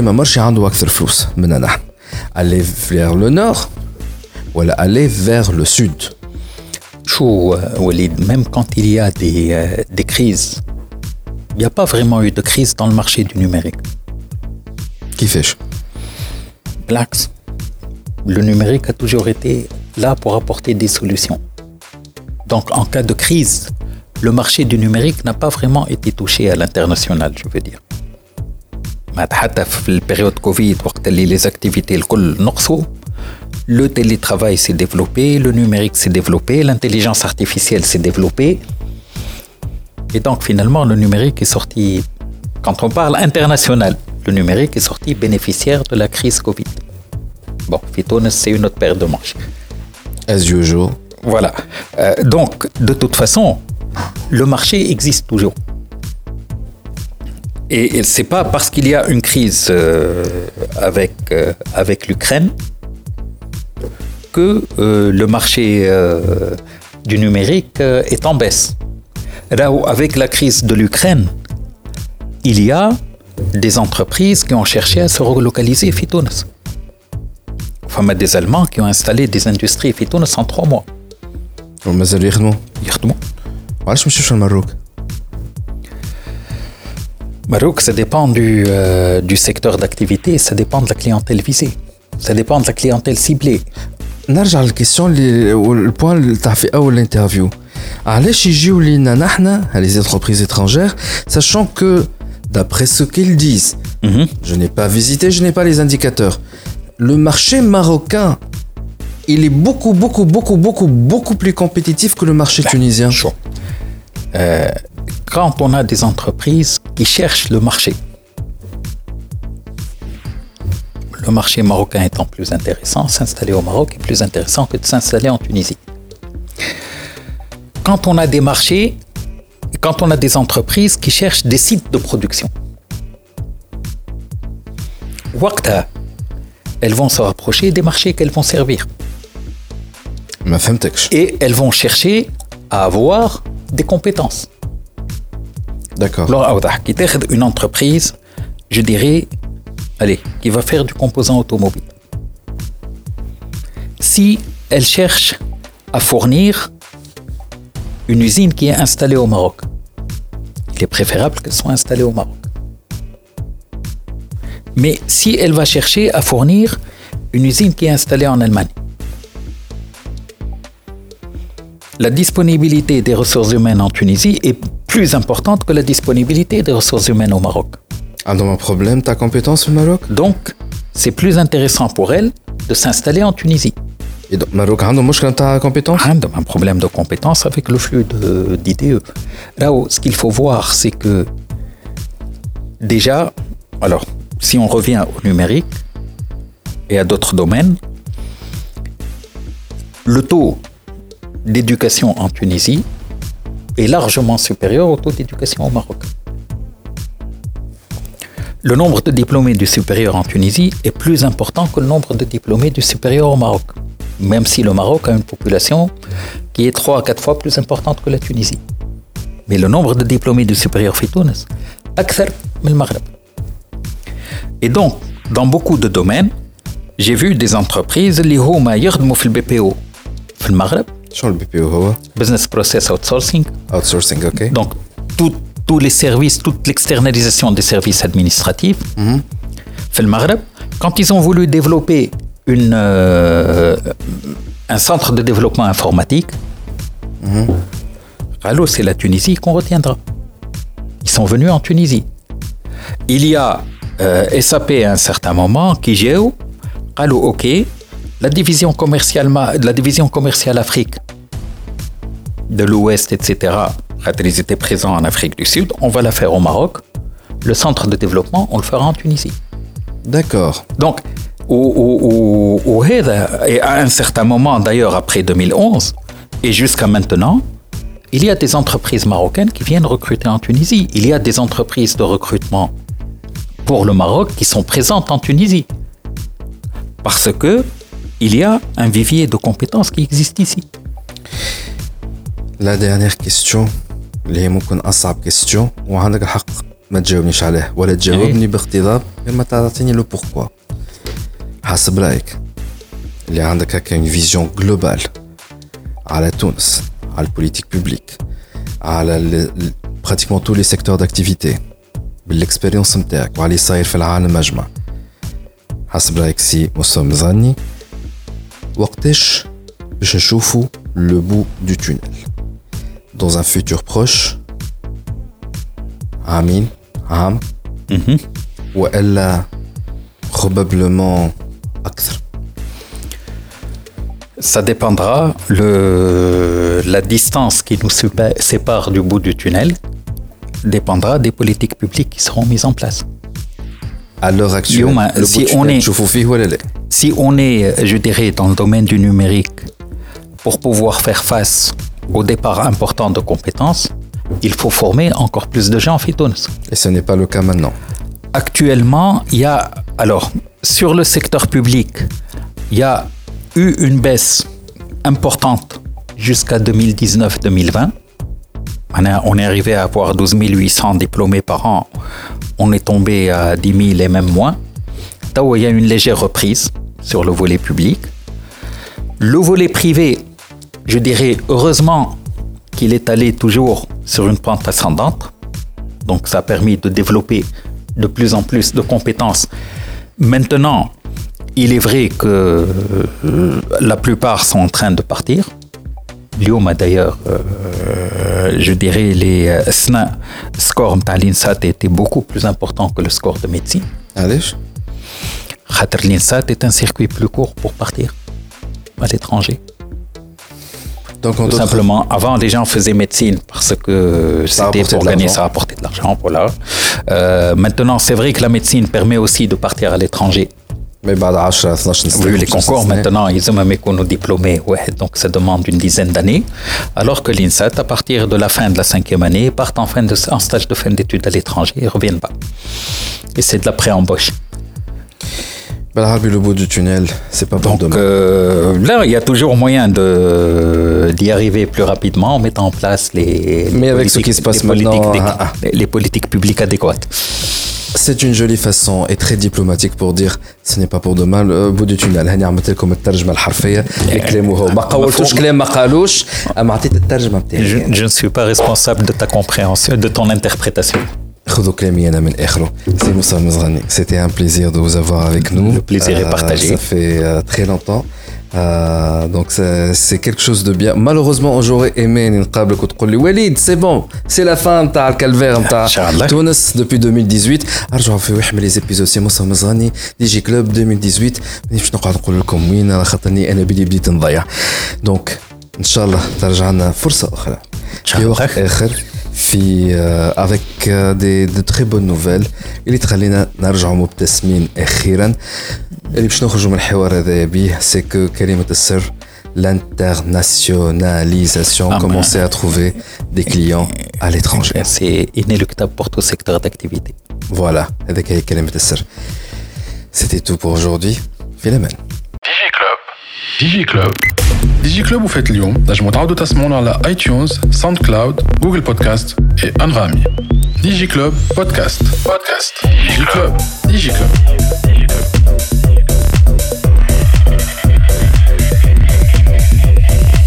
Sponsored by Topnet, quoi Connexion, les Very Fiber People.